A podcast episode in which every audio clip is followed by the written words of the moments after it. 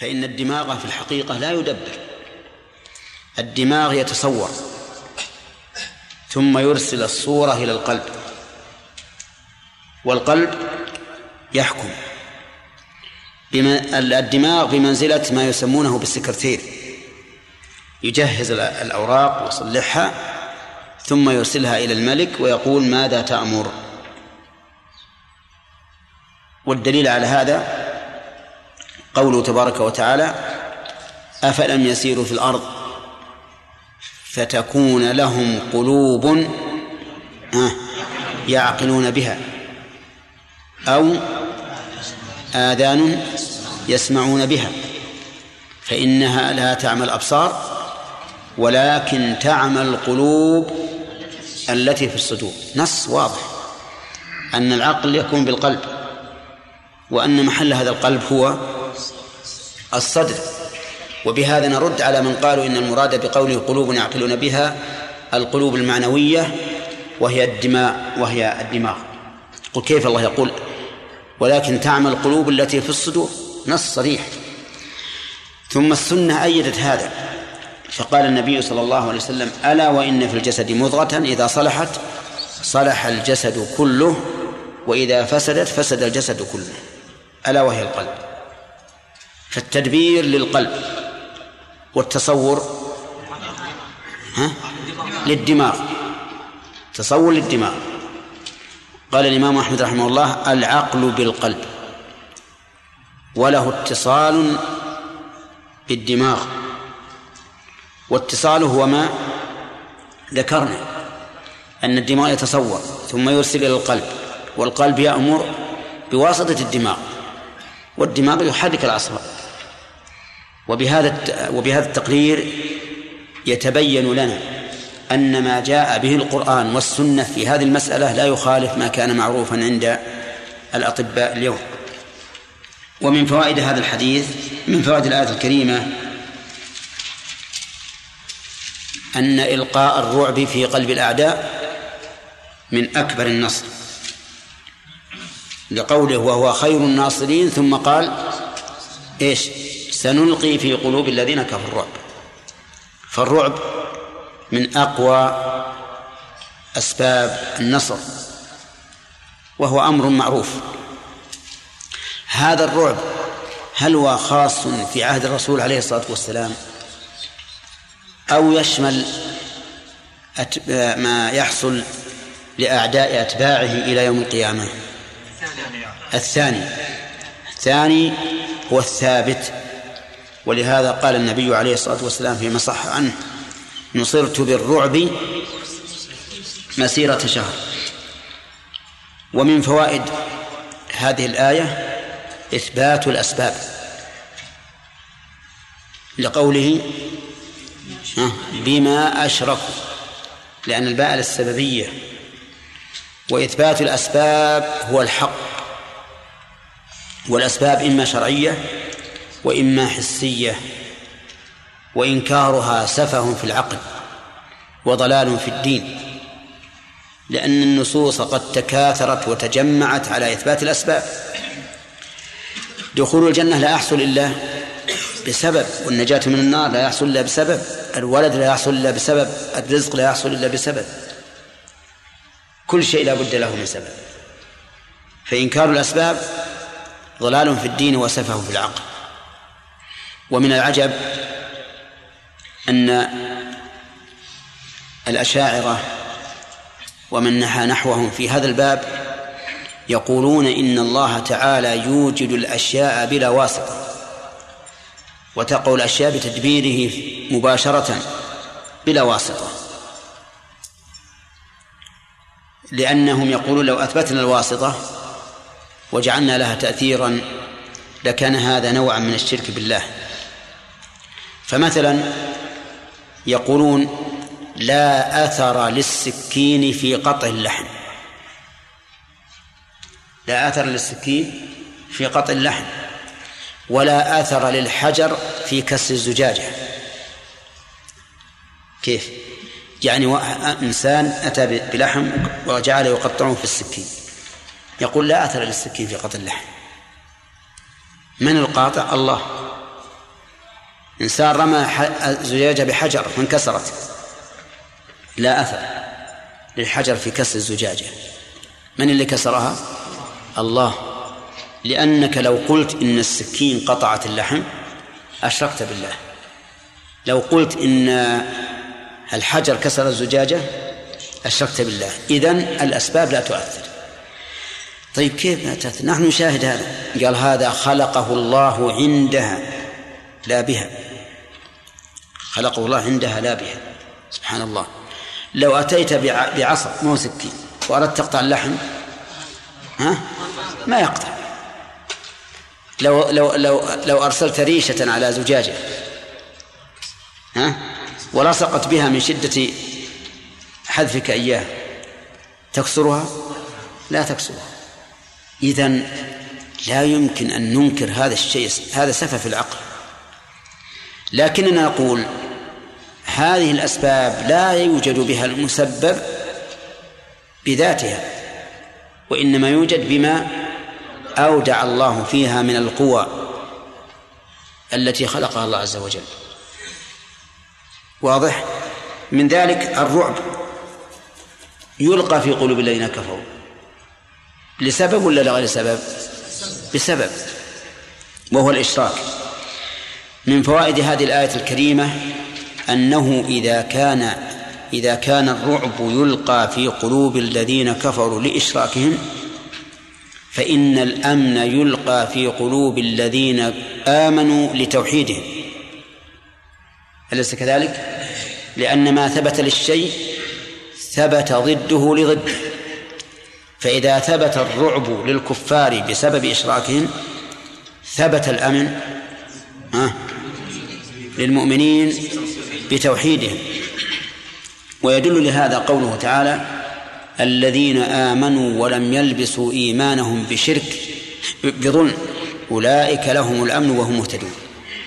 والظلم الشرك كما فسره النبي عليه الصلاة والسلام. لما نزلت هذه الآية قالوا يا رسول الله أينا لم يظلم نفسه؟ قال إنما ذلكم الشرك. ألم تسمعوا إلى قول الرجل الصالح إن الشرك لظلم عظيم. طيب إذن كلما كان الإنسان أشد إيمانا بالله وأشد توحيدا له كان أشد أمنا واستقرارا وهذا شيء مجرد. لأن من كان أشد إيمانا وتوحيدا لله كان أقوى توكلا عليه. ومن أقوى أسباب الأمن ومصابرة الأعداء إيش؟ التوكل على الله عز وجل. حتى إن من الناس من يقوم توكله على الله مقام الدواء في الشفاء. كما قرر شيخ الإسلام رحمه الله وهو وهو واقع.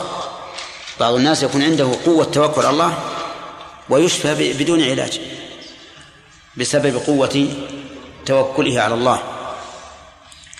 وقد أشار إلى هذا شيخ الإسلام ابن تيمية رحمه الله حينما ذكر أن الدواء بالمحرم ليس ضروريا. حتى يقال إن الدواء بالمحرم جائز للضرورة. قال هذا ليس ضروريا. لماذا؟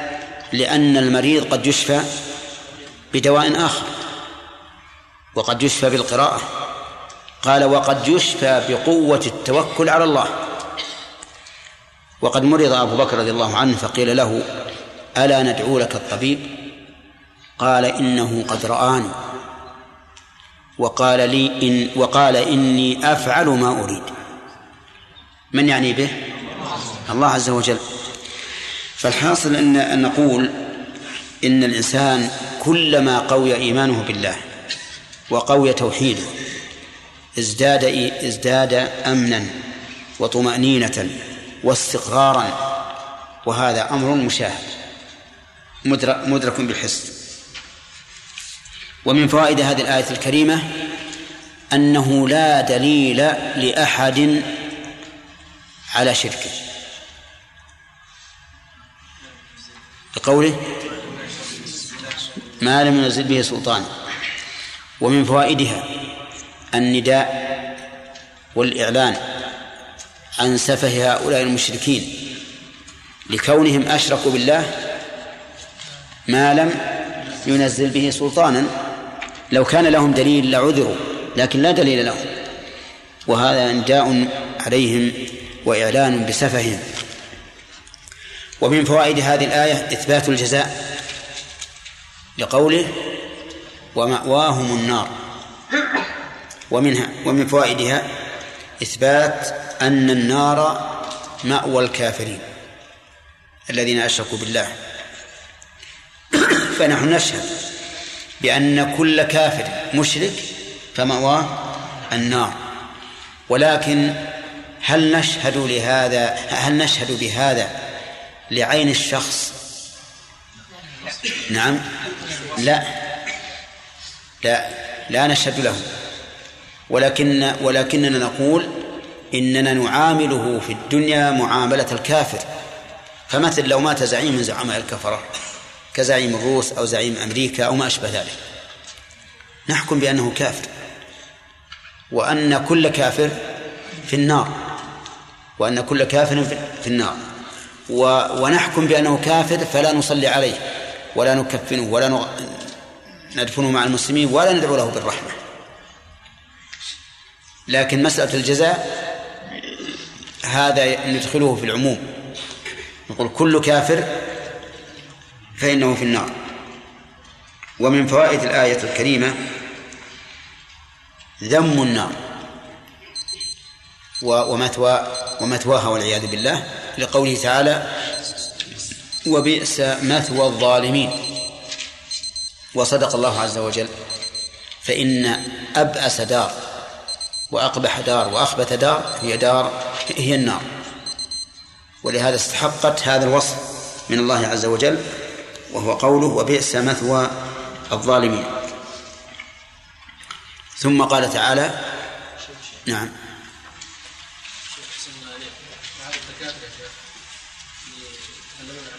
الصناعية أن العقل في أن القلب الصناعي ما يعقل أي القلب الصناعي هو لا بد انه يعني يدخله مثلا العروق ويحصل منه حركة. هذه الحركة يمكن ان أن نفسرها بأنها آه، أمر من القلب يصدر سواء عاد بشيء ثابت بخلقة الله عز وجل أو بالصناعة. نعم. شيخ الله كافر إذا مات مثلا يعني أحد قاده إيش؟ اليوم. نعم. لو مات أحد قادة الكفار اليوم لماذا نقول إنه في النار؟ نعم العلم إن الله عز وجل يقول ولو ترى يتوفى الذين كفروا الملائكة يضربون وجوههم وأدبارهم. صحيح لكن هذا عام. لكن يعني هو مات على الكفر الآن. نعم. يقول إن الله ثالث ثلاثة ويشرك ما. نعم. لماذا نقول إن هذا يدخل النار؟ ما نقول المعين غير العموم. الان لو مات واحد من الناس من المسلمين نعم. ومات على شهادة أن لا إله إلا الله وأن محمد رسول الله نعم. هل نشهد له بالجنة؟ لا ما نشهد له بالجنة لكن هذا أحسن الله في احتمال أنه يعذب في احتمال أنه يغفر له. لكن الكافر حتما أنه سيدخل النار. لا لا مو في الجنة ولو بعد التعذيب. هو سيدخل الجنة. كل مسلم سيدخل الجنة حتى. بس كل مسلم أحسنت. أي. نقول أيضا كل كافر سيدخل النار. سيدخل النار. ولهذا قال من من عقيدة السنة والجماعة أننا لا نشهد لمعين بجنة ولا نار إلا من شهد له رسول الله صلى الله عليه وسلم.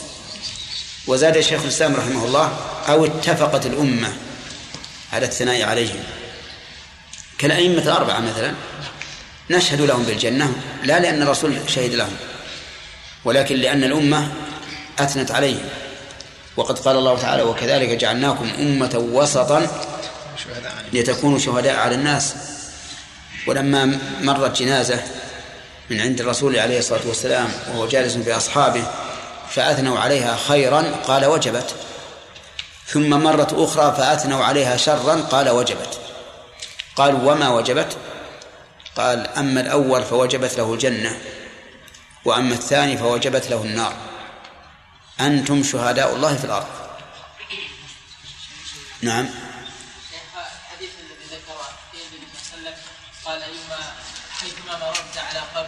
فبشرهم بالنار. نعم. هذا ما يدل على جواز تبشير الكفار بأعينهم إذا ظهر بأعيانهم يعني. إي نعم. بس هذا لفظ الحديث ولا ولا عين؟ أذكر هذا لفظ الحديث حرر لفظ الحديث ونشوف. شيخ نعم. شيخ المسلم ما نشهد له بالجنة لأنه قد يكون كما قال النبي صلى الله عليه وسلم يعمل فيما يرى الناس. ثم الكافر يعني كافر. البخاري روى الحديث إن الرجل لا يعمل بعمل أهل النار فيما يبدو للناس وهو من أهل الجنة. وإن الرجل لا يعمل بعمل أهل, أهل الجنة فيما يبدو للناس وهو من أهل النار. كلهم قالوا.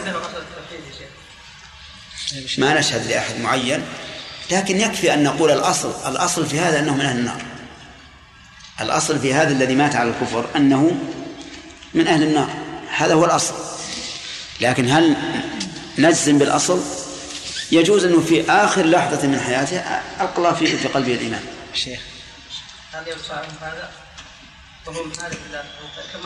إي نعم نعم نعم. لدى إذا كان قد تاب ولم يحضره الموت فالله يتوب عليه.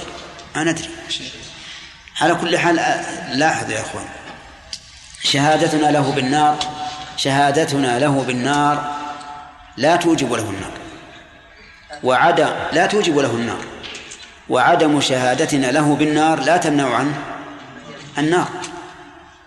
إذا ما فائدتنا أن نقول أن نلزم أنفسنا بالشهادة لهذا الشخص المعين بالنار؟ وش الفائدة؟ هذا شيخ الحديث ما يختص بالمسلمين؟ يعني يمكن أن المسلم يعمل بعمل أهل النار فيما, فيما يبدو للناس.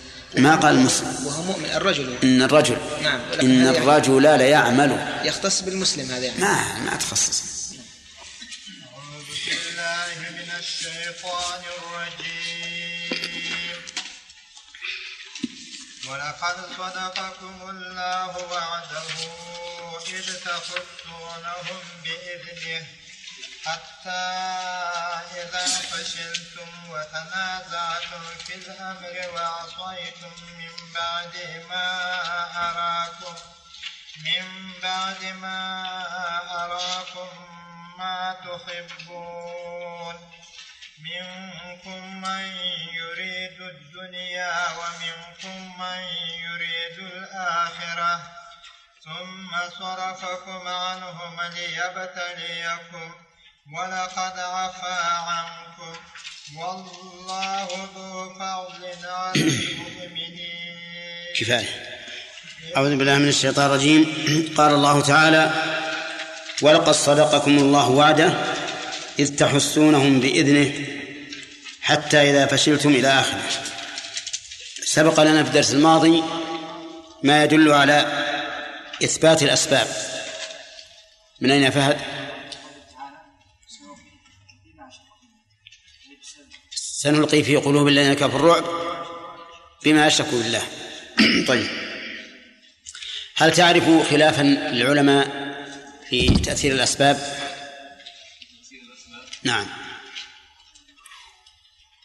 بعض يقول أن تأثير أن الأسباب لازمة للأمور. لابد أن تحمل على أسباب. بعض يقولون لا لا الاسباب ما لهم دخل في الأمور. نعم. هذا قولان. الثالث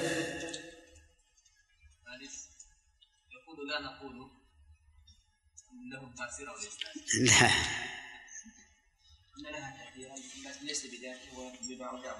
نعم. إن لها تاثيرا لكن بتقدير الله عز وجل وليس بذاته. تمام. قوله ما لم ينزل به سلطانا. الأخ هل يدل على أن هناك شركا أنزل الله به سلطانا؟ هذه الآية نص على أن كل أنواع الشرك لا سلطان. اذا فالقيد لبيان أن كل كل شرك ليس له سلطان. إيه لكن يسميه العلماء يسمي العلماء مثل هذا القيد. نعم. داود؟ لبيان الواقع. لبيان الواقع. أن كل شرك لا يمكن أن يكون به سلطان. طيب. قال الله تعالى ولقد صدقكم الله وعده هذا منتدى درس اليوم. فيقول عز وجل ولقد صدقكم الله وعده. وهذه الجملة مؤكدة بثلاثة مؤكدات. المؤكد الأول القسم المقدر لأن التقدير والله لقد. والثاني اللام. والثالث قد. والثالث قد. فهذه ثلاثة مؤكدات في هذه الجملة. صدقكم الله وعده أي أنجزه لكم. وقوله وعده منصوب بنزع الخافض أي صدقكم الله في وعده أي فيما وعدكم به من النصر. يقال صدقة ويقال صدقه وبينهما فرق. فإذا قيل صدقة يعني أخبره بالصدق. وإذا قيل صدقه أي قال إنما أخبرت به صدق. فالتصديق من المخاطب للمتكلم والصدق من المتكلم للمخاطب. من المتكلم للمخاطب. فمعنى فمعنى قوله تعالى صدقكم الله وعده أي أنجز لكم الوعد فصار ما أخبركم به صدقا. قالوا وإن ووعده منصوب بنزع الخافض. والتقدير في وعده. والنصب بنزع الخافض مضطرد مع أن وأن. وأما في غير هذا الموضع فليس بمضطرد. قال ابن مالك في الألفية وفي أن وأن يضطرد مع أمل لبس كعجبت أيد يعني نزع الخافض يضطرد مع أن وأن بشرط أن يؤمن اللبس. نعم. ولقد صدقكم الله وعده أي ما وعدكم به من النصر. ثم بين موضع هذا الصدق فقال إذ تحسونهم بإذنه. فإذ هنا ظرف متعلق بصدق. أي صدقكم وعده حين حسستموهم بإذنه. وقوله إذ تحسونهم بإذنه مضارع عبر به عن شيء ماضي على تقدير حكاية الحال لأن القاعدة أن يعبر عن الماضي بصيغة إيش؟ الماضي. أن يعبر عن الماضي بصيغة الماضي. فيقال قام زيد. لكنه هنا عبر عن الماضي بصيغة الحاضر لحكاية الحال لتقريب تصور الماضي في الذهن. لأن الماضي قد انقضى فربما يكون الإنسان فربما يكون الإنسان ناسيا له. فإذا صيغ بصيغة المضارع صار الماضي كأنه إيش؟ كأنه حاضر. وهذا ما يعبر عنه النحويون بحكاية الحال. حكاية الحال الماضية. كأنها الآن واقعة من أجل أن يكون ذلك أقرب لحضورها في الذهن. وقول تحسونهم بإذنه الحس القتل أو أشد القتل. الحس يعني القتل أو أشده. نعم. تحسونهم بإذنه أي تقتلونهم أشد قتلة بإذن الله الكوني والشرعي بإذنه الكوني لأنه قد وقع وكل شيء قد وقع فإن الله قد أذن قد أذن به كونا. وبإذنه الشرعي لأن الله تعالى قد شرع لنا أن نقاتل الكفار فيكون قتلنا لهم مأذونا فيه شرعا. إذن في هذا المثال في هذه الآية اجتمع الإذنان. إيش؟ الكوني والشرع. وقوله إذ تحسونهم بإذنه أي تقتلونهم بإذنه هذا نصر. فإن قال قائل وهل قتل أحد من الكفار في يوم أحد؟ فالجواب نعم. قتل منهم أكثر من تسعة رجال أو تسعة رجال. وانهزموا وفروا حتى رؤي النساء ينطلقن يصعدن في الجبل مذعورات كاشفات الرؤوس حاسرات السيقان لأنهن قد هربن حيث أيقن بالأسر. وكانت الغلبة والعزة في أول النهار للمسلمين. ثم قال حتى إذا فشلتم وتنازعتم إلى آخره. حتى قيل إنها ابتدائية وقيل إنها للغاية. أي صدقكم وعده إذ تحسونهم بإذنه إلى أن فشلتم. وعلى هذا فتكون إذا غير شرطية يعني حتى وقت فشلكم. هذا وجه معروف حتى للغاية. وإذا فشلتم أي حتى حين فشلتم أي أن صدق الوعد والحس استمر إلى إيش؟ إلى أن فشلتم وتنازعتم في الأمر. وعصيتم من بعد ما أراكم ما تحبون. والوجه الثاني أن حتى ابتدائية فالجملة مستأنفة. وتكون إذا على هذا الوجه تكون شرطية وجوابها يذكر إن شاء الله. حتى إذا فشلتم الفشل معناه الجبن والخور. حتى إذا جبنتم وخرتم وعجزتم عن الانتصار وتنازعتم في الأمر المنازعة المخاصمة والاختلاف. وقوله في الأمر هل المراد بالأمر الشأن أو المراد بالأمر واحد الأوامر؟ على القول الأول يكون الأمر واحد الأمور. وعلى الثاني يكون الأمر واحد الأوامر. المعنى حتى وتنازعتم في الأمر أي في الشأن أي في شأنكم أو في الأمر أي أمر الرسول عليه الصلاة والسلام. ويكون الخطاب موجها إلى الرماة. وكانوا خمسين رجلا أمر عليهم النبي صلى الله عليه وسلم عبد الله بن جبير وقال لهم لا تبرحوا مكانكم ابقوا في الجبل سواء كانت لنا أو علينا. ولما رأى رأوا المسلمين قد انتصروا وانهزم المشركون وصار المسلمون يجمعون الغنائم. أرادوا النزول من الجبل فنازعهم أميرهم وقال لهم امكثوا اثبتوا ولكنهم أصروا على النزول فنزل منهم أكثرهم. إذن يكون الأمر هنا واحد الأوامر أي تنازعتم في أمر الرسول صلى الله عليه وسلم فمنكم من قال نبقى امتثالا لأمره ومنكم من نزل اغتناما لكسب الغنيمة.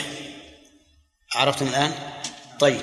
والمعنيان متلازمان لأنه لما اختلفوا في أمر الرسول تنازعوا في شأنه. تنازعوا في شأنهم أي في أمرهم. وعصيتم من بعد ما أراكم ما تحبون.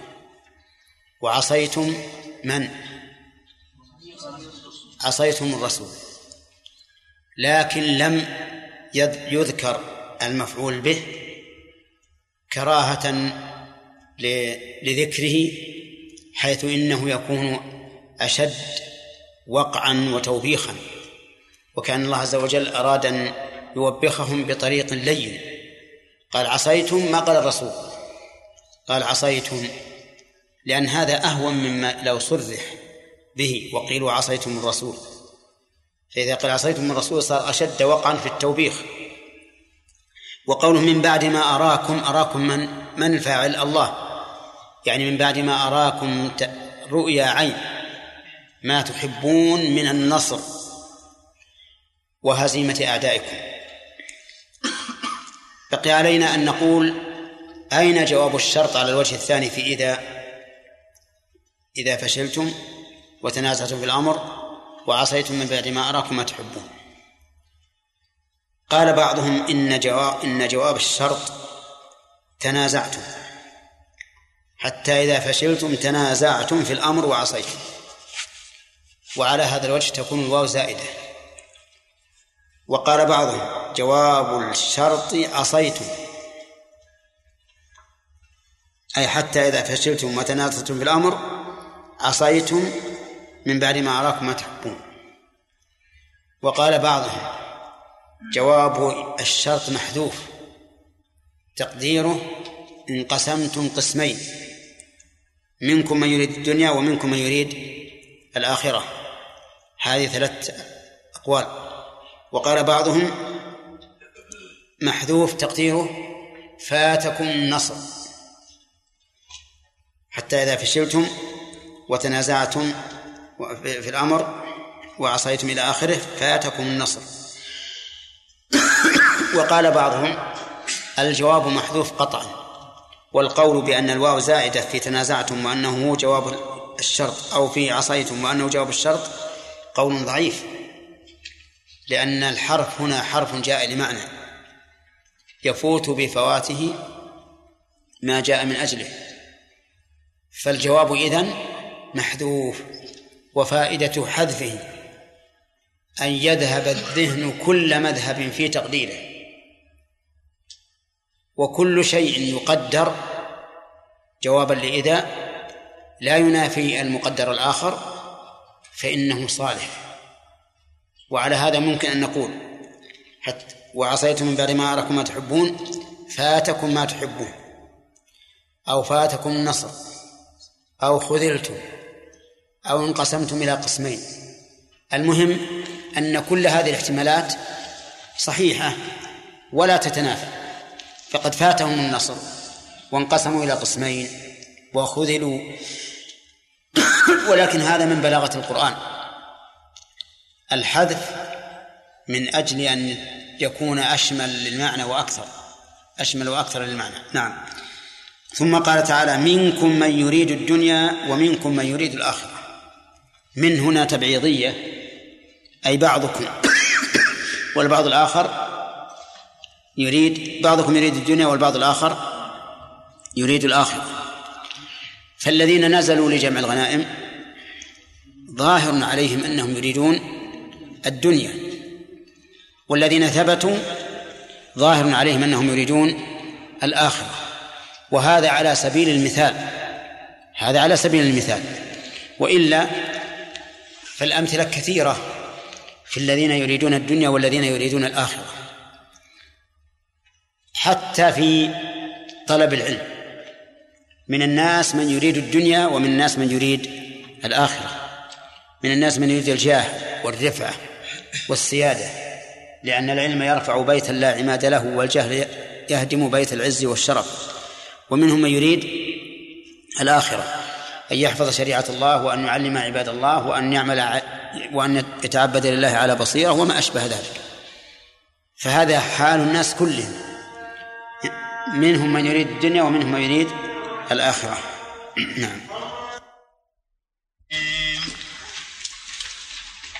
ولقد صدقكم الله وعده إذ تحسونهم بإذنه. حتى إذا فشلتم وتنازعتم في الأمر وعصيتم من بعد ما من بعد ما أراكم ما تحبون.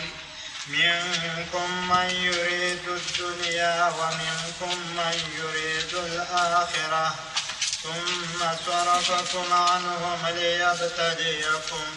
ولقد عفا عنكم والله ذو فضل على المؤمنين.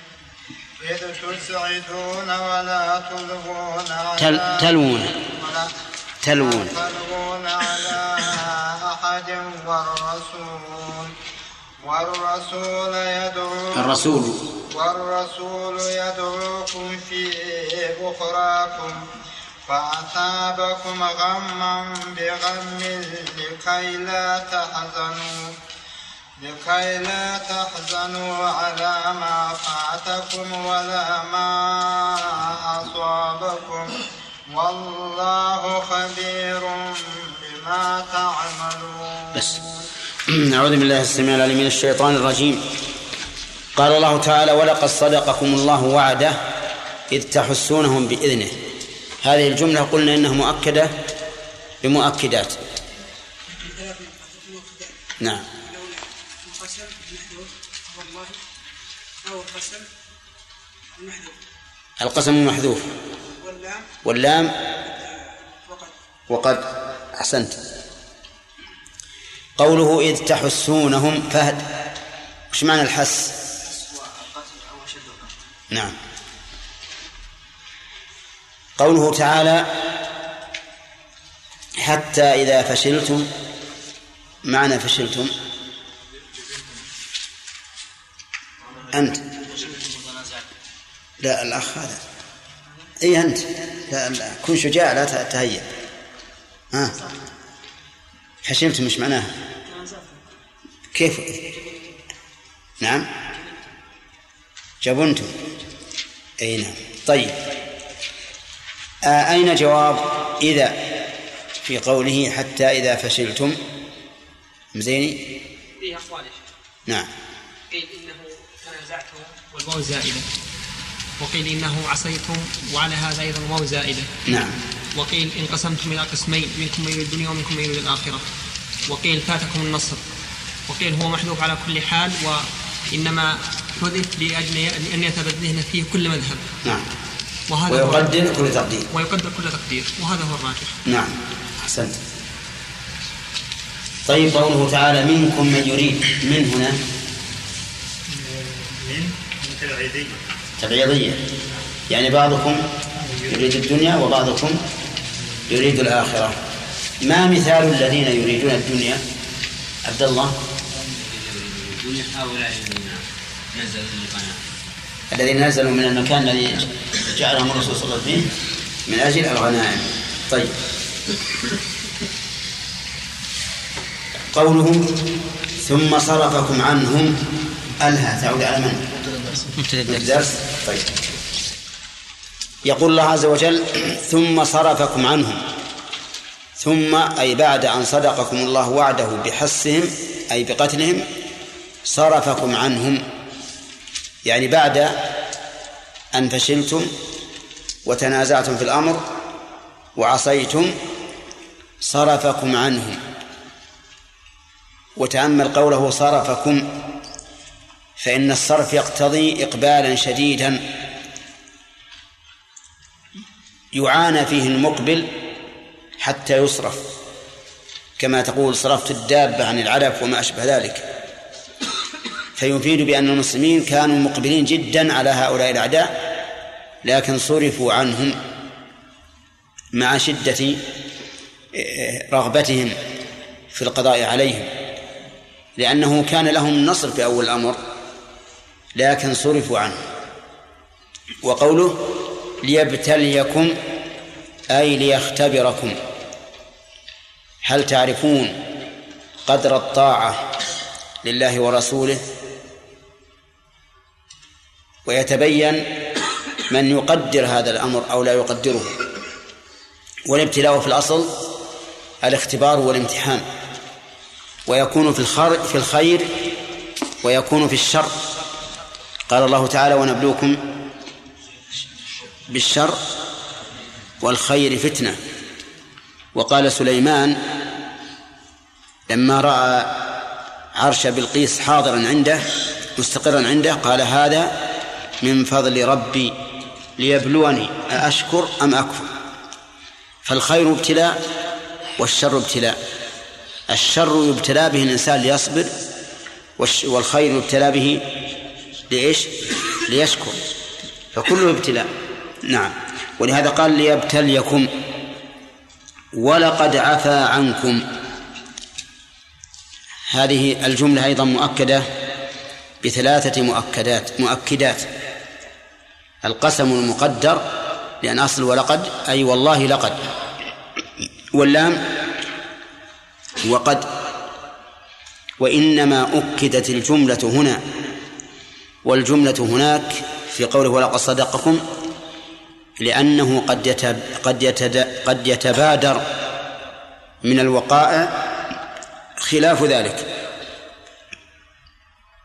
فمثلا في الجملة الأولى ولقد صدقكم الله وعده قد يتبادر من كون الهزيمة في آخر الأمر على المسلمين أن الله لم يصدقهم وعده. فأكد ذلك بقوله ولقد صدقكم الله وعده إذ تحسونهم بإذنه. وهذا نص. والثانية لما ابتلوا بهذه البلوى قد يتبادر إلى الذهن بأن الله سوف يعاقبهم على معصيتهم وتنازعهم وجبنهم. فقال ولقد عفا عنكم. فكان التأكيد هنا وفي اللات وفي أول الآية في غاية ما يكون من البلاغة.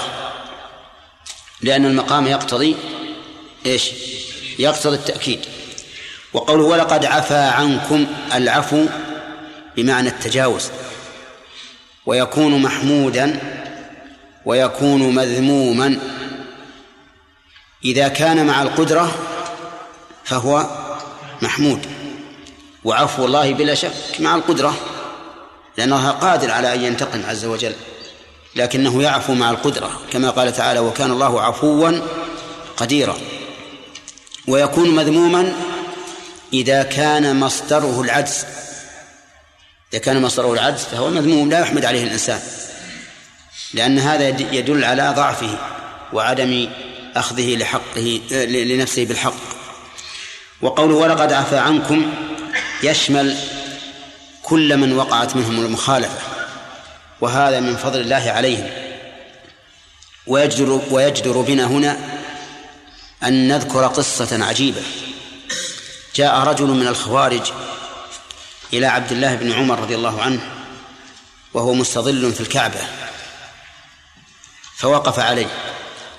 بعد أن سأل عنه فقال من هذا؟ قالوا هذا عبد الله بن عمر. فوقف عليه وكان خارجيا. فسأله عن أمير المؤمنين عثمان. قال له أما علمت أن عثمان بن عفان تخلف عن غزوة بدر؟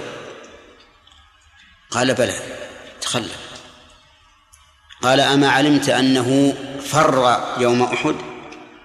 قال بلى فر. قال أما علمت أنه لم يبايع بيعة الرضوان؟ قال بلى. قال الخارجي الله أكبر كبر. يعني على أنه انتصر. انتصر لأنه إنما سأل هذه الأسئلة الثلاثة ليقدح في عثمان رضي الله عنه. فكبر الخارجي رحمك الله. لما كبر قال له أما وقد فعلت فسأحدثك. أما تخلفه في غزوة بدر فإن النبي صلى الله عليه وسلم أمره أن يبقى ليمرض ابنته. ابنة الرسول صلى الله عليه وسلم كانت مريضة. رقية زوجة عثمان فتخلف ليمرضها. بأمر النبي صلى الله عليه وسلم وضرب له النبي صلى الله عليه وسلم بسهمه وأجره. إذن هل يلام على هذا؟ لا يلام. تخلف بأمر الرسول ليمرض بنت الرسول والرسول صلى الله عليه وسلم ضرب له بسهمه وأجره. وأما فراره في أحد فإن الله تعالى قال ولقد عفا عنكم. بعد العفو. هل يبقى أثر الذنب؟ ها لا.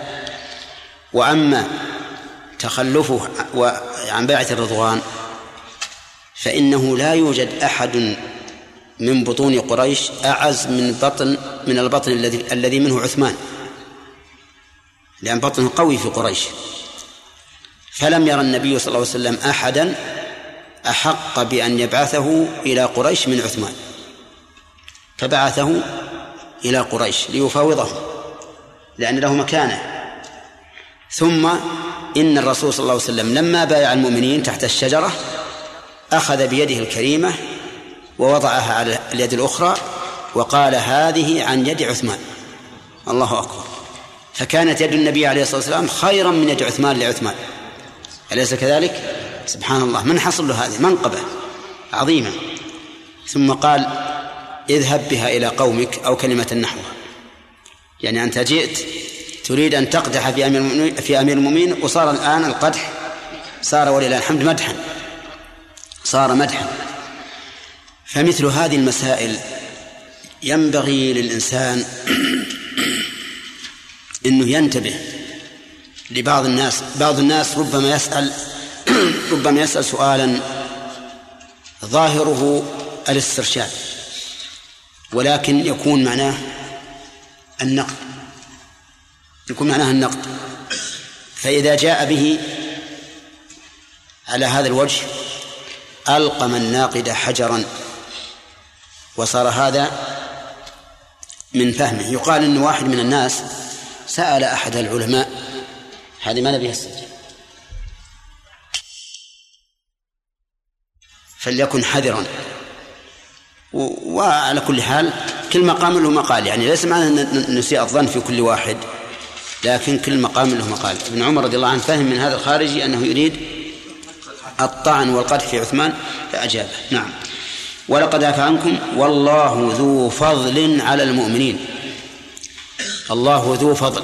ذو بمعنى صاحب أي صاحب فضل على المؤمنين. ويعني وأنتم منهم. وأنتم منهم. ولذلك عفى عنكم.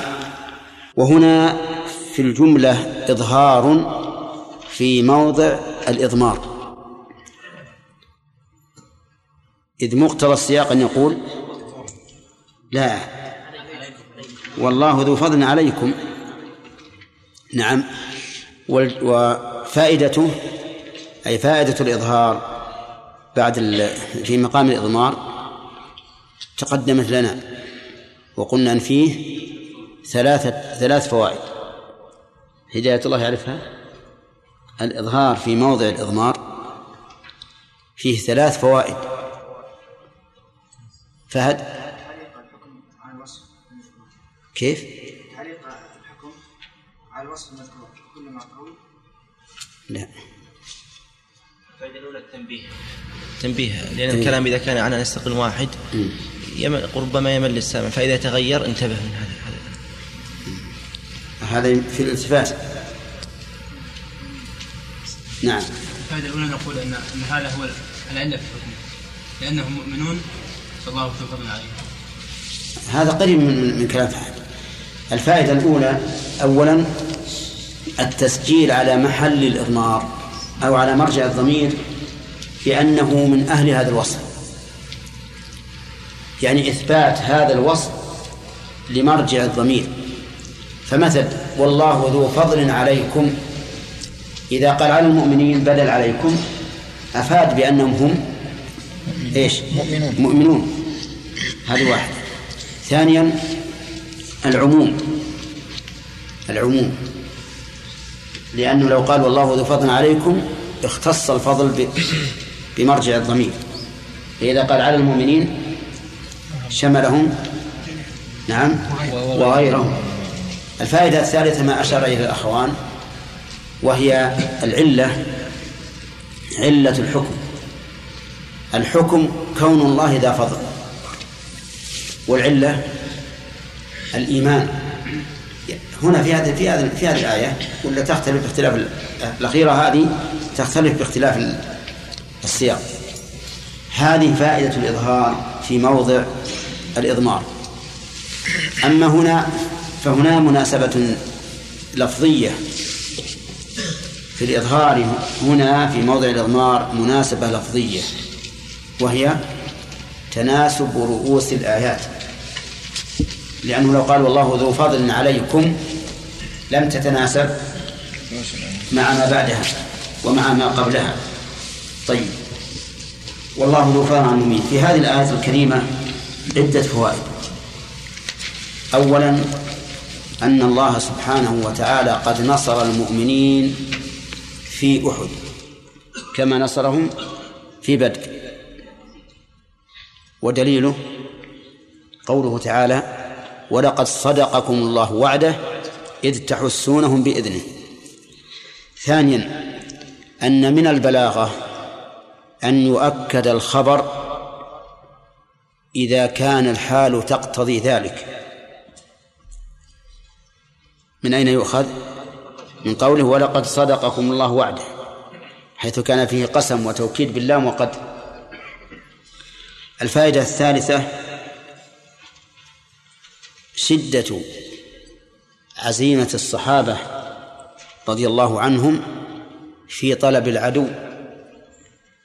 لأنه قال إذ تحسونهم بإذنه والحس القتل أو أشد. يعني كأنه يسمع له صوت عند القتل.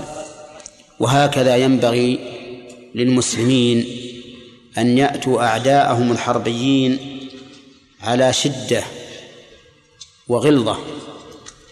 كما قال الله تعالى ولا تهنوا في ابتغاء القوم يعني لا تضعفوا في طلبهم.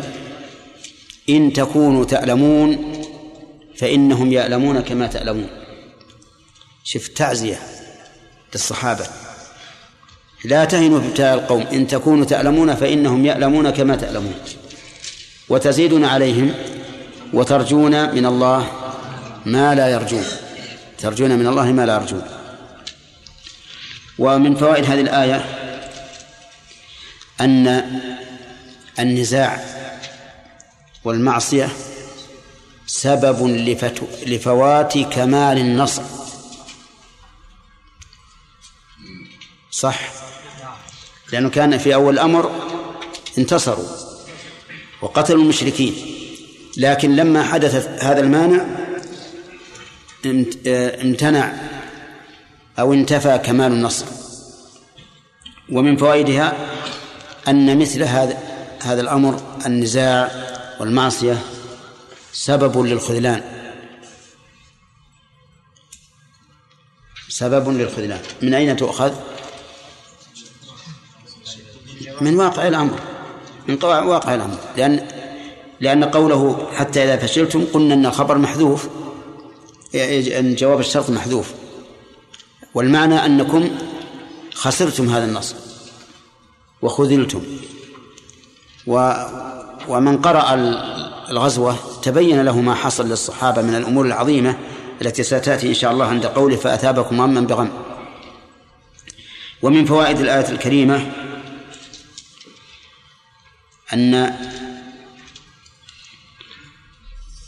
المعصية بعد النعمة أشد من المعصية قبل النعمة. لقوله وعصيتم من بعد ما أراكم ما تحبون. وإلا لكان يقول وعصيتم فقط لكن كون المعصية تقع بعد أن أراهم الله ما يحبون هذه أعظم أعظم مما إذا لم يكن يريهم الله أراهم الله إذا لم يكن الله أراهم ما يحبون. ومن فوائد الآية الكريمة الحث على اجتماع الكلمة. وجهه. أن النزاع سبب للخذلان فيكون الاتفاق سبب للنصر وهو كذلك. أن الاجتماع اجتماع الناس على كلمة واحدة لا شك أنه سبب للنصر. ولهذا ينبغي لطلبة العلم والعلماء أن لا يظهر أن لا يظهر خلافهم أمام العامة. ونزاعهم. الآراء لا بد أن أن تكون لكن كون كل واحد من منهم يعيب على الآخر أن خالفهم هذا خطر عظيم جدا. لأن العامة ترى بعد هذا النزاع أن لا تثق بواحد منهم. على أن العامة أيضا سوف يتفرقون ويكون هذا مع هذا وهذا مع هذا. فالنزاع لا شك أنه سبب للخذلان والفشل وتمزق الأمة.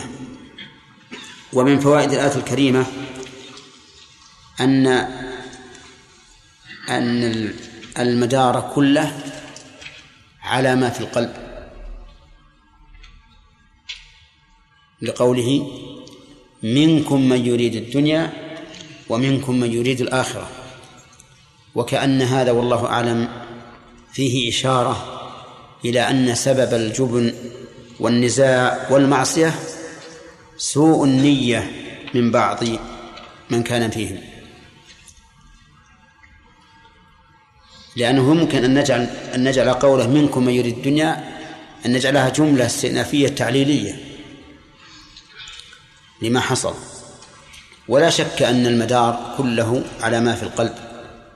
وأنه متى كان القلب صالحا صلح العمل ومتى كان فاسدا فسد العمل. ومنه ومن فوائد الآية أنه قد يكون في خير القرون من يعاب عليه الفعل. لقوله منكم من يريد الدنيا. ولكن الصحابة رضي الله عنهم بخاصة لهم من الفضائل والسوابق والصحبة وما حصل من من من الآفات وغيرها ما يكفر ما حصل منهم. ولهذا للصحابة مزية على غيرهم يعني المكفرات العامة لكل أحد مثل لا ما يصيب المرء المؤمن من هم ولا غم ولا أذى حتى الشوكة يشاكها إلا كفر الله به عنه عنه. هذه عامة لكل أحد. لكن للصحابة أشياء خاصة توجب محو ما حصل منهم من السيئات. ويدلك لهذا أن من أعظم المصائب وأكبر المعايب التجسس لحساب المشركين. ووقعت من حاطب رضي الله عنه ولما استأذن عمر النبي صلى الله عليه وسلم في قتله قال له النبي صلى الله عليه وسلم أما علمت أن الله قد اطلع إلى أهل بدر وقال اعملوا ما شئتم فقد غفرت لكم. مع أن هذه مصيبة عظيمة. التجسس لحساب الكفار يوجب القتل ولو كان الإنسان مسلما لأن هذا من السعي في الأرض فسادا. ولهذا لم يقل الرسول صلى الله عليه وسلم لا تقتله لأنه مسلم بل قال لا تقتل لأنه شهد بدرا وقد قال الله تعالى اعملوا ما شئتم فقد غفرت لكم.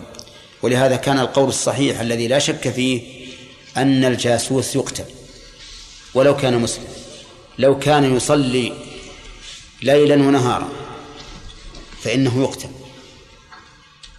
طيب. من فوائد هذه الآية الكريمة إثبات الأسباب.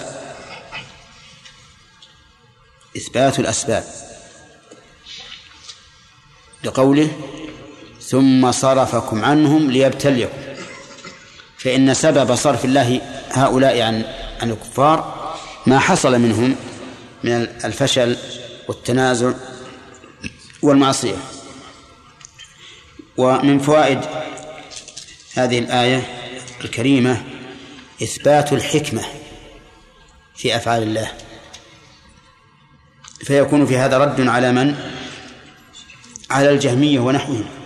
ممن ينكرون حكمة الله عز وجل ويقولون إن الله يفعل لا لحكمة ولكن لمجرد مشيئة. ونحن نؤمن بأن الله سبحانه وتعالى لا يفعل شيئا ولا يشرع شيئا إلا لحكمة لكن من الحكم ما هو معلوم للبشر ومنه ما هو ما هو مجهول لا تبلغه العقول.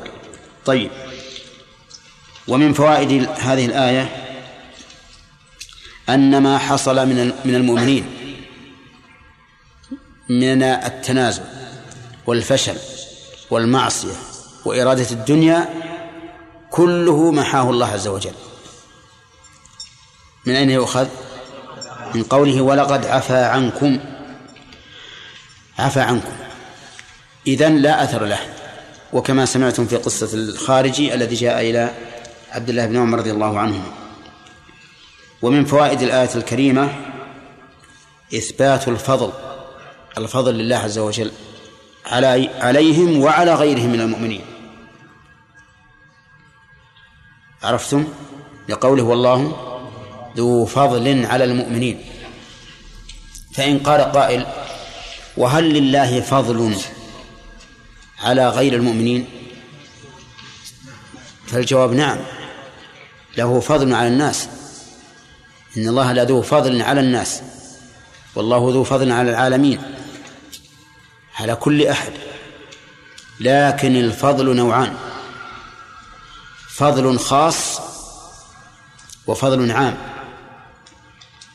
فالخاص للمؤمنين والعام للجميع وإلا فكل أحد قد تفضل الله عليه بالصحة والعافية والطعام والشراب واللباس والأزواج والبنين وغير ذلك لكن الفضل الخاص الذي يتصل بفضل بفضل الآخرة هذا للمؤمنين فقط. عرفتم يا أخوان؟ طيب والله ذو فضل على ثم قال تعالى إذ تصعدون ولا تلوون على أحد والرسول يدعوكم في أخراكم. إذ هذه ظرف والظرف لا بد له من متعلق. لا بد له من متعلق. فما متعلق؟ إذ متعلق إذ على أرجح الأقوال محذوف. تقدير اذكروا إذ تصعدون. هذا أحسن ما قيل فيها. ولا بعضهم قال إنها متعلقة بما قبلها ولقد عفى عنكم حين تصعدون. وبعضهم قال ثم صرفكم عنهم حين تصعدون. ولكن الأقرب أن المتعلق محذوف. التقدير اذكروا. إذ تصعدون حتى تكون هذه الحال دائما على أذهانكم. وقول تصعدون بضم التاء وهي غير تصعدون بفتحها لأن الصعود الرقي إلى أعلى. الصعود هو الرقي إلى أعلى. كما قال تعالى إليه يصعد الكلم الطيب. وأما الإصعاد فهو السير هربا في أرض مستوية. يقال أصعد أي ذهب هاربا أو مسرعا في الأرض. وهذا هو الذي حصل للصحابة رضي الله عنهم ومنهم من صعد الجبل لكن لكن المراد بقوله تصعدون أي إيش؟ تهربون سراعا في أرض مستوية. لماذا؟ لأن أصعد مأخوذ من الصعيد والصعيد وجه الأرض. كما قال تعالى فتيمموا صعيدا طيبا. طيب. قال إذ تصعدون ولا تلوون على أحد. أي لا تعكفون أو تلتفتون إلى أحد. ولم يقل لم تلتفتوا لأن اللي أبلغ اللي الانعطاف. على الشيء هم لا يلون على أحد. هربا خوفا من قتل الكفار إياهم فكانوا لا يلون على أحد. هربوا وتصور المشهد كيف كان. حوالي سبعمائة نفر من خيار المؤمنين يهربون لا يبقى مع الرسول عليه الصلاة والسلام إلا نفر قليل. وانظر أيضا. قال والرسول يدعوكم في أخراكم. الرسول صلى الله عليه وسلم في في أخريات القوم هو الذي يلي الأعداء في الآخر. يدعوكم. يا عباد الله يا عباد الله كروا ارجعوا. ولكن لشدة الأمر لا يلون على أحد. وهذه قضية عظيمة ولكن الله سبحانه وتعالى قد عفى عنهم. قد عفى عنهم ولم يؤاخذهم بما جرى. والرسول يدعوكم في أخراكم أخراكم يعني الآخر الآخر منكم. لأن من عادة النبي صلوات الله وسلامه عليه أن يكون في أخريات القوم. ليس كالملوك يأخذ الصدر بل هو كالراعي يكون في الآخر يتفقد الرعية إنسان يحتاج. إنسان تتخلف بعيره يتخلف فرسه فيساعده كما في قصة جابر رضي الله عنه. جابر لما رجعوا في سيرهم كان على جمل قد أعيا. وش معنى أعيا؟ تعب ما يمشي. قال فلاحقني النبي عليه الصلاة والسلام. شوف هذا جمل تعبان بيصير في آخر الناس. ويقول لحقني النبي معناه أنه وراء أيضا. وراء هذا الجمل التعبان. فلحقني فدعا للجمل وضربه. ضرب الجمل ضرب عادي. ودعا له فسار سيرا لم يسر مثله قط. الجمل سبحان الله هو بالأول تعبان ما يمشي إلا قليلا. حتى كان جابر يرده في خطامه. يسبق القوم. الله آية من آيات الله وآيات الرسول عليه الصلاة والسلام. ثم قال له بعنيه الرسول صلى الله عليه وسلم طلب من جابر أن يبيع عليه. بعنيه بأوقية. الأوقية كم؟ أربعين درهم أو خمسين درهم. ولكنه أبى. قال ما أبيعه. شوف الأول بيسيبه يتركه. والآن يسومها النبي عليه الصلاة والسلام نهي وعي لا يبيع عليه. قال بعنيه فبعته. باعوا على النبي صلى الله عليه وسلم.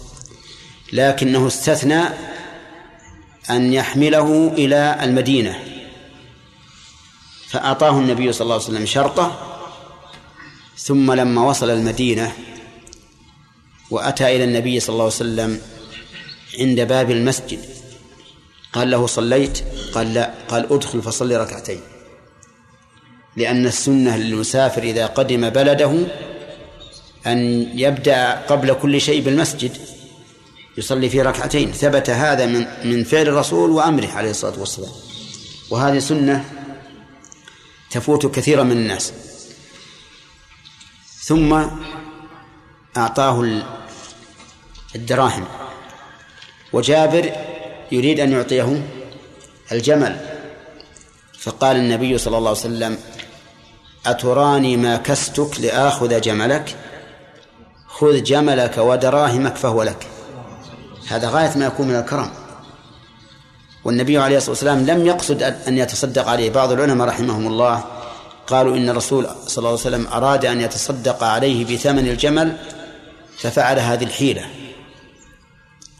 هذا خطأ غلط. لكن الرسول عليه الصلاة والسلام أراد أن يعرف كيف كان غلاء هذا الجمل في قلب جابر بعد أن كان عنده رخيصا يريد أن يسيبه. فطلب منه البيع. وإلا فالذي يظهر من قوله أتراني ما كسك لآخذ جملك أن الرسول صلى الله عليه وسلم لم يرد الشراء من الأصل. لم يرد الشراء ولكنه أراد أن يعلم ما عند جابر رضي الله عنه. طيب نعم. قال الله عز وجل حتى إذا فشلتم وتنازعتم وعصيتم ثم قال ثم صرفكم عنهم. و ثم يعني سماه معلوم ان التركيب مع التراخي و وهم قد فشلوا من قبل وعصوا. يعني لا الصرف بعد العصيان. اي هم لما فشلوا نعم. فشلوا وعصوا وكذا يعني انصرفوا. صرفهم الله. صرفهم الله. نعم. ثم قال ثم صرفكم الله. إيه؟ يعني ونحن قلنا إن هذا الصرف كان عن إقبال شديد. اي نعم. اي فكيف يكون الصرف بعد إقبال شديد مع أنهم اي هم أقبلوا شديدا. ما هو على على النظام اللي أمرهم الرسول. أقبلوا شديدا من أجل القضاء على المشركين. الصحابة الكلام الحين مو عن عن عن فقط الذين عصوا فقط عن الجميع. الكلام عن الجميع. يعني بعضهم كان مقبل. ما في الشك الصحابة قبل أن ينزل هؤلاء مقبلين يجمعون الغنائم وهؤلاء هاربون. الكفار هربوا حتى إن النساء شوهدن يصعدن الجبال وسوقهن بارزة. قد رفعن ثيابهن. هذه في رماة الجبل؟ نعم. في رماة الجبل وصرفكم للعموم. نعم. أي نعم في مراجعة الدرس القادم إن شاء الله. مراجعة للثمن. نعم.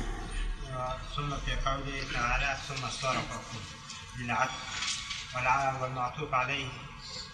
عطف على إيش؟ صرف نعم. إذ تحسونهم بإذنه. الظاهر أنه معطوف على هذا تحسونهم ثم صرفكم وفي كتاب الجمل مذكور ثم عطف على الجواب على جواب الشرط يعني ويصلح يصلح. يصلح. يصلح. أقول يجوز. فيكون هذا جوابا من الشرط. لا يكون هذا ما هو جواب الشرط. جواب الشرط محذوف وهذا من جملته. يعني من جملة. أي نعم. أي نعم. أي نعم. العفو إذا إذا إذا لم يكن مقرونا بالمغفرة فهو تدخل فيه المغفرة لأنه عفو عن المجازات. وأما إذا قيل عفو غفور صار العفو عن ترك الواجبات والمغفرة لفعل المحرمات. نعم أحمد. نعم.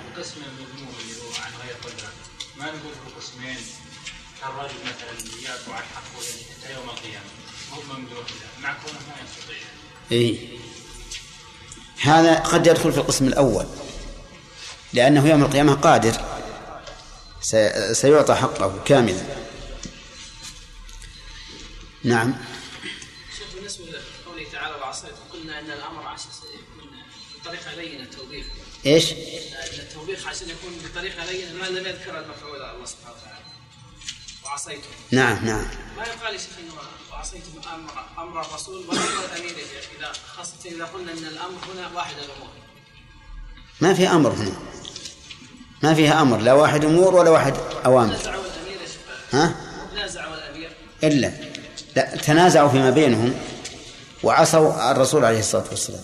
أو عصوا الله أيضا لأن من, من عصى الرسول فقد عصى الله.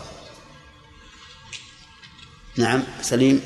طبعا اللي اللي خالف الأمر من الصحابه قليل إيش؟ اللي خالف الأمر من الصحابة قليل وال- والذنب عام عام الجميع. إيه لأنه قال عصيتم واللي عصوا أقل من خمسين. الجواب أن أننا كررنا أن فعل الجماعة من طائفة قد ينسب إلى إلى جميع الطائفة. حتى أن بني إسرائيل يلومهم الله عز وجل على ف... على شيء فعله أسلافهم. لأنه طائفة لأنهم طائفة واحدة. نعم. وإذ قلتم يا موسى يخاطب اللي في عهد الرسول عليه الصلاة والسلام وإذ قلتم يا موسى لن نؤمن لك. أخرى. ما هي؟ بدون واو. سارع بدون واو. سارعوا. طيب هل يرد هذا على قول أهل العلم إن من أنكر حرفا من القرآن فهو كافر؟ لا يرد. لماذا؟ قول أهل العلم محمول على إذا ما لم يرد به النص. نعم. إذا لم إذا ما لم يكن قراءة. وعلى هذا لو قرأ الإنسان التي أعدت للكافرين نعم. لو قا لو قرأ وأطيعوا الله والرسول لعلكم ترحمون سارعوا إلى هذا يجوز. فلا بأس. لأنه قراءة. تمام. تؤمنون ولا تلوون على أحد والرسول يدعوكم في أخراكم. والرسول يدعوكم في أخراكم فأثابكم غما بغم. لكي لا تحزنوا على ما فاتكم ولا ما أصابكم. والله خبير بما تعملون. ثم أنزل عليكم من بعد الغم أمنة نعاسا. من بعد الغم أمنة نعاسا يغشى طائفة منكم. وطائفة قد أهمتهم أنفسهم يظنون بالله غير الحق ظن الجاهلية يقولون هل لنا من الأمر من شيء قل إن الأمر كله لله يخفون في أنفسهم ما لا يبدون لك يقولون لو كان لنا من الأمر شيء ما قتلنا هاهنا. قل لو كنتم في بيوتكم لبرز الذين كتب عليهم القتل لبرز الذين كتب عليهم القتل إلى مضاجعهم. وليبتلي الله ما في صدوركم وليمحص ما في قلوبكم. والله عليم بذات الصدور. بسم الله الرحمن الرحيم. الحمد لله رب العالمين. والصلاة والسلام على نبينا محمد وعلى آله وأصحابه أجمعين. قال الله تبارك وتعالى إذ تصعدون ولا ولا تلوون على أحد. ما معنى تصعدون؟ يعني تسيرون في الأرض خربا نعم. وما الفرق بينها وبين تصعدون؟ تصعد بمعنى ترفع إلى إلى الأعلى يعني ت- ترخي إلى الأعلى يعني تصعد الجبل مثلا. تصعد شيئا مرتفعا. طيب. والمراد الأول؟ لا المراد هو الأول يعني نعم أحسنت. قوله تعالى والرسول يدعوكم في أخراكم. الجملة الأخ. ها في موضع.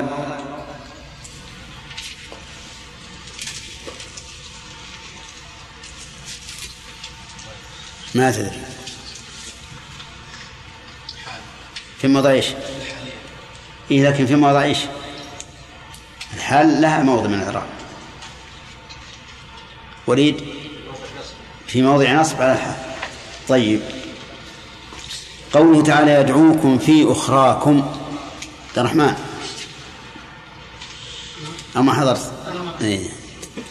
نعم ريان يدعوكم في أخراكم. ها؟ أي في آخركم. في آخركم. بماذا يدعوهم؟ يعودوا إليه لأنهم هربوا. ليعودوا إليه. يقول إلي يا عباد الله إلي يا عباد الله. نعم. طيب. أظن وقفنا على هذا. إيه. قال الله تعالى فأثابكم غما بغم. أثابكم الفاعل هو الله عز وجل. ومعنى أثابكم أعطاكم ثوابا. وغما هو الثواب الذي أعطاهم الله.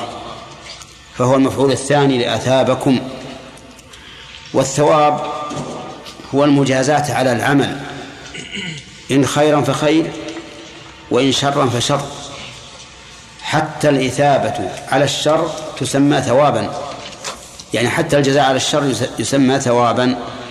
قال الله تعالى هل ثوب الكفار ما كانوا يفعلون؟ لكن إذا قرن الثواب بالعقاب صار العقاب الجزاء على السيء الجزاء على السيئات. وصار الثواب الجزاء على الحسنات. وأمثال هذا في اللغة كثير. تكون الكلمة لها معنى إذا أفردت ولا معنى إذا قرنت بغيرها. وقول أثابكم غما بغم. غما مفعول ثاني لأثابكم. بغم ألبى هنا قيل إنها للمصاحبة. وقيل إنها للبدل. وقيل إنها بمعنى على ولكل وجهة نظر. فأما الذين قالوا للمصاحبة فقالوا إن معناها أثابكم غما مصحوبا بغم يعني مقترنا به لم يفصل بينهما فاصل غموم متتابعة. والذين قالوا إنها بمعنى على قالوا أصابكم غما على غم. أصابكم غما على غم ولا يلزم أن تكون متتابعة. والذين قالوا إنها للبدل والعوض. يقول معناها أصابكم غما بغم بدلا عن الغم الذي حصل منكم. بدل عن الغم الذي حصل منكم. وإذا تأملنا وجدنا أن الآية الكريمة تحتمل كل المعاني الثلاثة. كما سيتبين إن شاء الله من تفسير من من تفسير الغم ما هو والقاعدة في التفسير أن الآية إذا كانت تحتمل أكثر من معنى وليس بينهما منافاة فإنها تحمل على ما تحتمله من المعاني. ولأن هذا هو بلاغة القرآن فما هو فما هي الغموم التي أصابتهم؟ نحن نعرف أن المسلمين في أحد أصيبوا بمصائب عظيمة. أولا كان النصر لهم في أول النهار ثم كان عليهم في آخر النهار.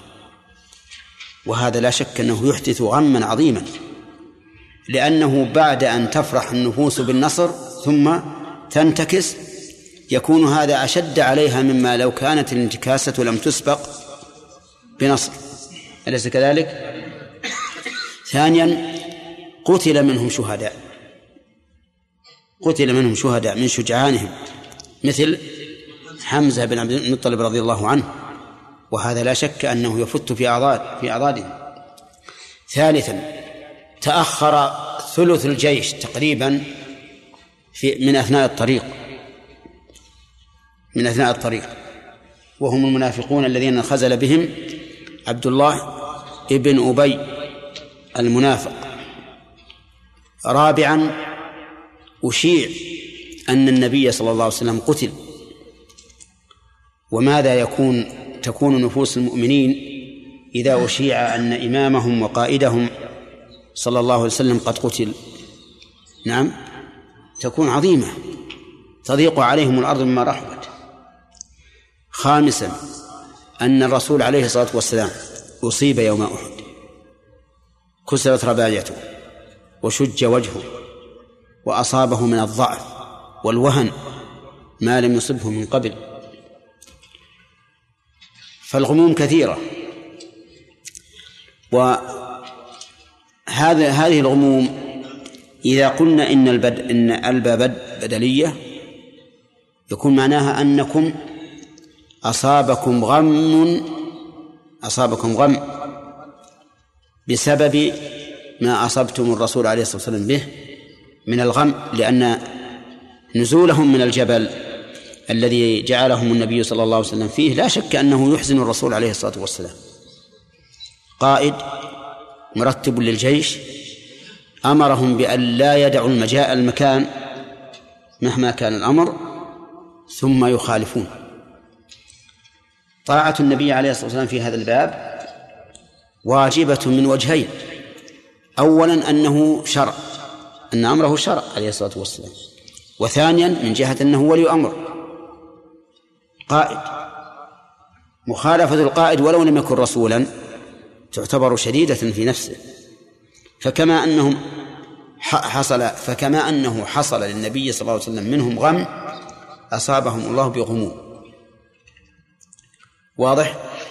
أما على القول بأنها للمصاحبة فالأمر ظاهر. لأنها غموم متلاحقة في غزوة واحدة. وأما كونه غما على غم فكذلك أيضا. كلما فاء غم أتى غم آخر. أتى غم آخر. ولهذا قال فأثابكم غما بغم لكي لا تحزنوا على ما فاتكم ولا ما أصابكم.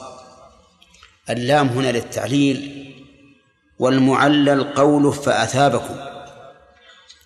أي أثابكم غم غما بغم من أجل أن لا تحزنوا على ما فاتكم ولا ما أصابكم. كيف ذلك؟ لأن الغم الأكبر ينسي الغم الأصغر. فمثلا إذا فاتهم النصر. هذا غم. غم بلا شك. لكن إذا قتل نبيهم عليه الصلاة والسلام ها؟ هذا أشد. فلما أشيع أنه قتل نسوا الغم الأول. ولم يحزنوا عليه لأنهم أصيبوا. فإذا جاء الفرج وتبين أن الرسول عليه الصلاة والسلام قد بقي زال زال زالت الغشاوة كلها واضح؟ فيكون هذا من لطف الله بهم. أنه يصيبهم بمصائب تنسيهم المصائب الأولى ثم بعد ذلك تنفرج. وهذا من حسن عناية ربوبية الله عز وجل وعنايته بالصحابة والنبي صلى الله عليه وسلم. ولهذا قال لكي لا تحزنوا على ما فاتكم. منين؟ من النصر والغنيمة ولا ما أصابكم من الخذلان وفقد الغنيمة. فهذه من حكمة الله عز وجل. هذا هو الصواب في معنى الآية الذي لا تحتمل غيره. وأما قول الجلالين رحمه الله إن لا زائد هنا والمعنى لكي تحزنوا على ما فاتكم وما أصابكم فهذا قول بعيد جدا. بل إن بل إن الله عز وجل يحب من المؤمنين ألا يحزنوا ويسليهم إذا وجدت ما إذا وجد إذا وجدت أسباب الحزن.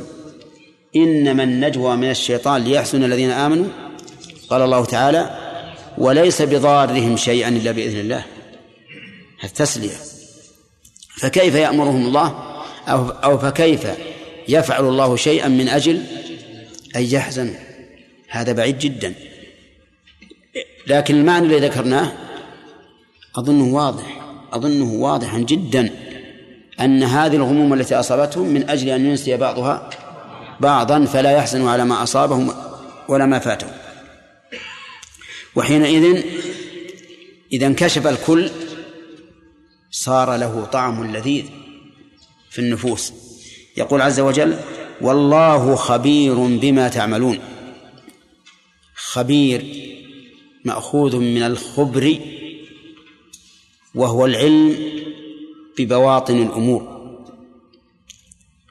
ومنه سمي الزارع خبيرا لأنه يدفن الحب ويخفيه. فالأصل أن هذه المادة تدل على الخفاء فالخبير هو العليم ببواطن الأمور ببواطن الأمور. والعليم ببواطن الأمور عليم بظواهر الأمور من باب أولى.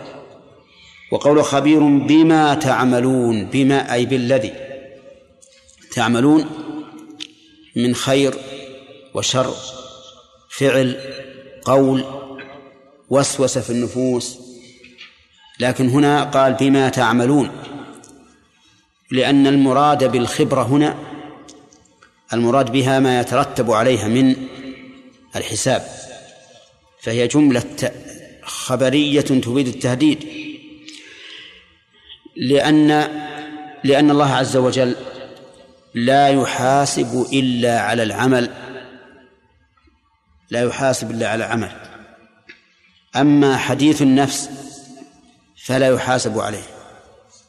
لو حدث الإنسان نفسه بفعل المعاصي أو ترك الواجبات ثم لم ينفذ فإنه لا يحاسب. ولهذا قال خبير بما تعملون. من من فوائد هذه الآية الكريمة تذكير المؤمنين بما جرى منهم من المخالفة. حيث قال إذ تصعدون ولا تلوون.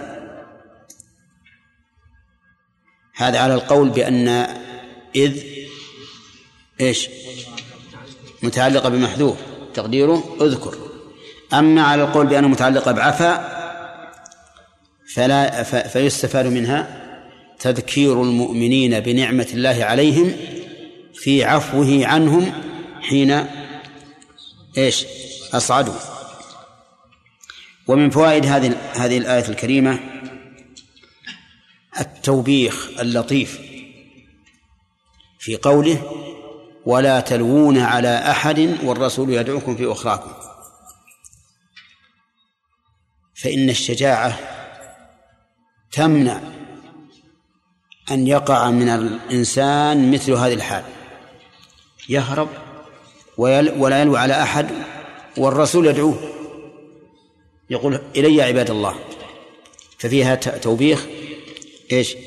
توبيخ لطيف مما للصحابة مما جرى منهم ومن فوائد هذا الحديث أستغفر الله ومن فوائد هذه الآية حسن رعاية النبي صلى الله عليه وسلم لأمته في قيادته العظيمة حيث يكون في أخريات القوم. وهذا شأن صلوات الله وسلامه عليه أن يكون في أخريات القوم من أجل أن يتفقدهم. إنسان يتأخر إنسان يحتاج يتفقدهم. وليس كالملوك الذين يتقدمون الناس بل هو يتأخر. وقصة جمل جابر ليست ببعيدة حيث كان النبي عليه الصلاة والسلام في أخريات القوم فلحق جابرا وكان معه جمل قد آية. أنت معنا اسمك؟ يا خالد. معه جمل قد أعيا فلحقه النبي عليه الصلاة والسلام وضربه ودعا له ومشى الجمل. مما يدل على أن من أهداف النبي عليه الصلاة والسلام للتأخر مثل هذه الحال. ومن فوائد هذه هذا الحديث هذه الآية لا إله إلا الله. من فوائد هذه الآية أن أنه ينبغي للقائد أن يكون ذا شجاعة في قيادته بحيث يثبت ويدعو إلى الثبات. منين تؤخذ؟ والرسول يدعوكم يدعوكم. لأنه لو لم يثبت وهرب معهم لم يكن صالحا للقيادة. ومن فوائد الآية إثبات رسالة النبي صلى الله عليه وسلم في قوله والرسول يدعوكم طيب و, و ومن فوائدها حكمة الله عز وجل وعدله. في إثابته عباده. لقوله فأثابكم غما بغم والعدل ظاهر جدا إذا جعلنا الباء ها للبدل والحكمة ظاهرة إذا جعلناها ها للمصاحبة أو بما أو بمعنى على لأن هذه الغموم التي يتلو بعضها بعضا يخفف بعضها بعضا. ومن فوائد الآية إثبات الحكمة إثبات حكمة الله عز وجل في أفعاله. ها؟ من من قوله لكي لا فإن اللام هنا للتعليل.